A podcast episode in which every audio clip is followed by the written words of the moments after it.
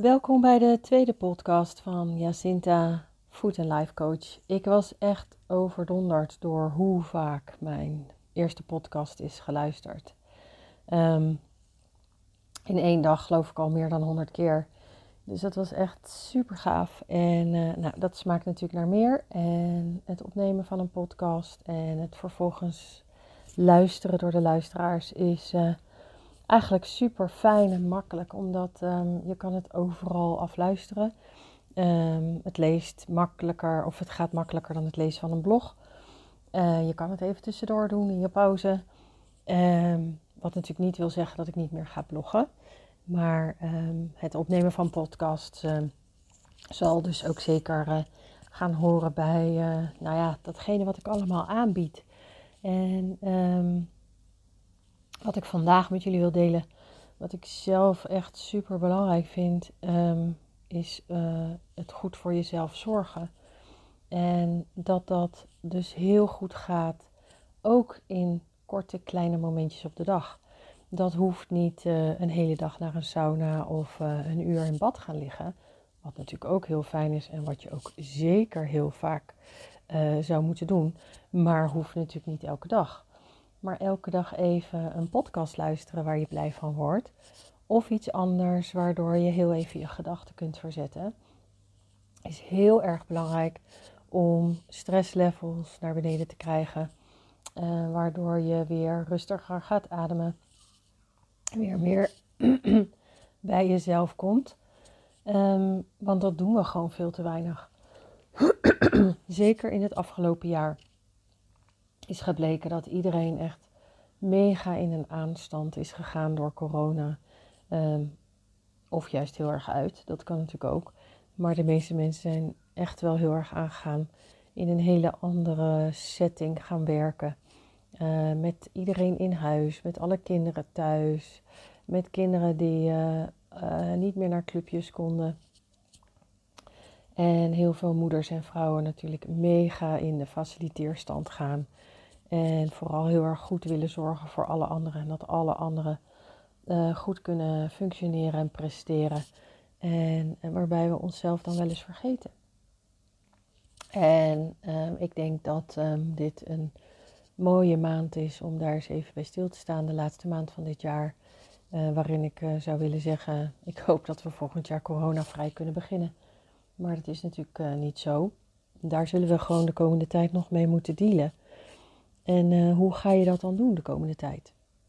Heb je je helemaal geschikt in je nieuwe rol, in je nieuwe weg, in thuiswerken, in niet meer naar je werk gaan, in minder collega's zien of wat dan ook? Voor mij geldt in ieder geval dat um, ik natuurlijk mijn baan heb opgezegd in een achterlijke tijd. Je kunt je nu afvragen, was het nou allemaal wel zo slim? Maar ik zou het eigenlijk nu al nooit meer anders willen doen. Uh, hoe onzeker de tijd ook is. En, um, de, maar de vrijheid die ik ervoor terug heb gekregen is zo enorm.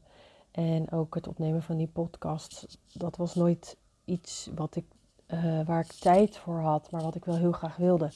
En nu zit ik gewoon uh, s ochtends om uh, 9 uur 40 op mijn bed in mijn yoga kleding deze podcast op te nemen. En dat voelt zo vrij. En omdat ik jou die vrijheid ook gun, um, heb ik dus deze podcast opgenomen. Waarin ik met jou wil delen dat het super belangrijk is om dus echt goed voor jezelf te zorgen. En wat jij fijn vindt en waar jij gelukkig van wordt, daar weet alleen jij een antwoord op. Ik kan je natuurlijk alleen maar wat handreikingen doen. Zoals dat bad of die sauna.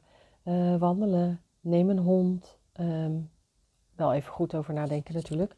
Uh, sinds wij een hond hebben, kom ik denk ik uh, drie keer vaker buiten dan normaal. Vroeger fietste ik naar mijn werk, maar dat heb ik nu natuurlijk niet meer. Dus nu loop ik per dag vijf kilometer met de hond.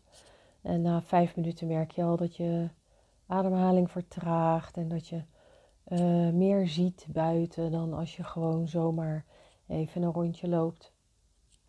En dat je ook gewoon helemaal gefocust kunt zijn op je dier. En dat is ook heel erg fijn, want dat leidt ook de gedachten af van jezelf.